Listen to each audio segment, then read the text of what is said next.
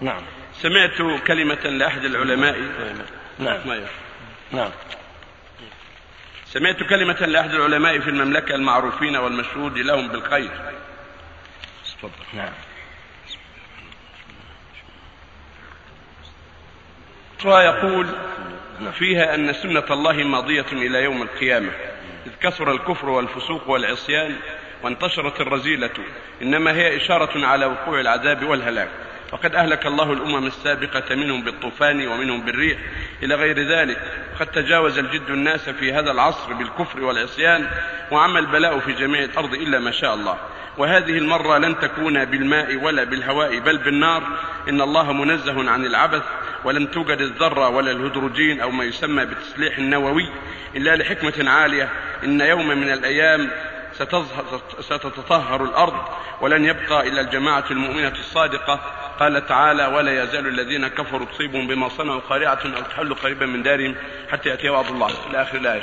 ما رأي سماحتكم في هذا؟ لا شك أن الأمر عظيم وأن الواقع ينذر بخطر لأن الشر عم وطم فلا شك أن الواقع من أن الناس اليوم من أنواع الكفر والضلال والمعاصي الظاهرة. وجرائم الكثير ولا شك أن هذا يؤلم بخطر وأن الناس على خطر عظيم. ولكن مثل ما أخبر النبي صلى الله عليه وسلم لا تزال طائفة من الأمة على حق منصورة لا يضرهم من خذلهم ولا من خلفهم حتى يأتي أمر الله. فلا بد أن تكون هناك بقية باقية من أهل العلم والإيمان على الهدى والاستقامة لا يضرهم من خذلهم ولا من خالفهم حتى يأتي أمر الله كما قاله النبي عليه الصلاة والسلام. وسوف يأتي الناس زمان يهلك الله فيه جميع الكفرة. ولا يبقى إلى الإسلام. وهذا أخبر النبي صلى الله عليه وسلم أنه يقع على يد عيسى عليه الصلاة والسلام. إذا نزل عيسى عليه الصلاة والسلام أخبر النبي صلى الله عليه وسلم أنه يحكم بما عندنا بشريعة محمد عليه الصلاة والسلام وأنه يقتل الخنزير ويكسر الصليب ويضع الجزية ولا يقبلها ولا يقبل إلا الإسلام فقط. ويهلك الله في زمانه الأديان كلها حتى لا يبقى إلا الإسلام وحتى تكون السجدة لله وحده. هذا معناه أنه ينزل بالكافرين عذابا وشرا حتى لا يبقى منهم أحد إلا المسلمون. على يد عيسى عليه الصلاة والسلام. أما قبل ذلك فالامتحان موجود. الامتحان موجود والابتلاء موجود. يبلو الله بعض الناس ببعض. وهؤلاء يصابون بعذاب وهؤلاء يصابون بعذاب والآخرون ينجون. سنة الله في عباده. سنة الله في عباده.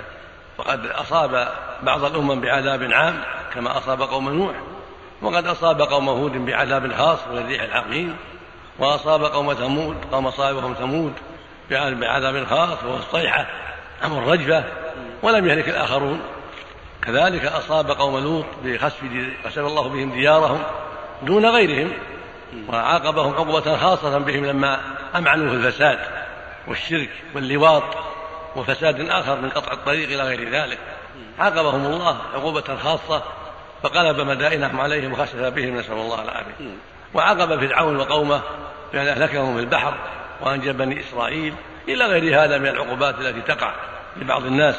وقد تقع العقوبات بهذه الأسلحة الجديدة كما جرى لليابان في الحرب الأخيرة وكما جرى لغيرهم من من القتل القتل العظيم الذريع الذي مات فيه آه، الملايين من الناس.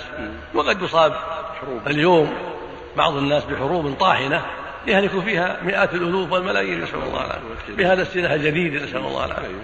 وقد يقع عقوبات أخرى أنهم تشاهدون أيضا عقوبات طائرات تسقط فيها المئات من الناس يهلكون وسيارات تصطدم وتنقلب ويموت فيها الجم الغفير من الناس.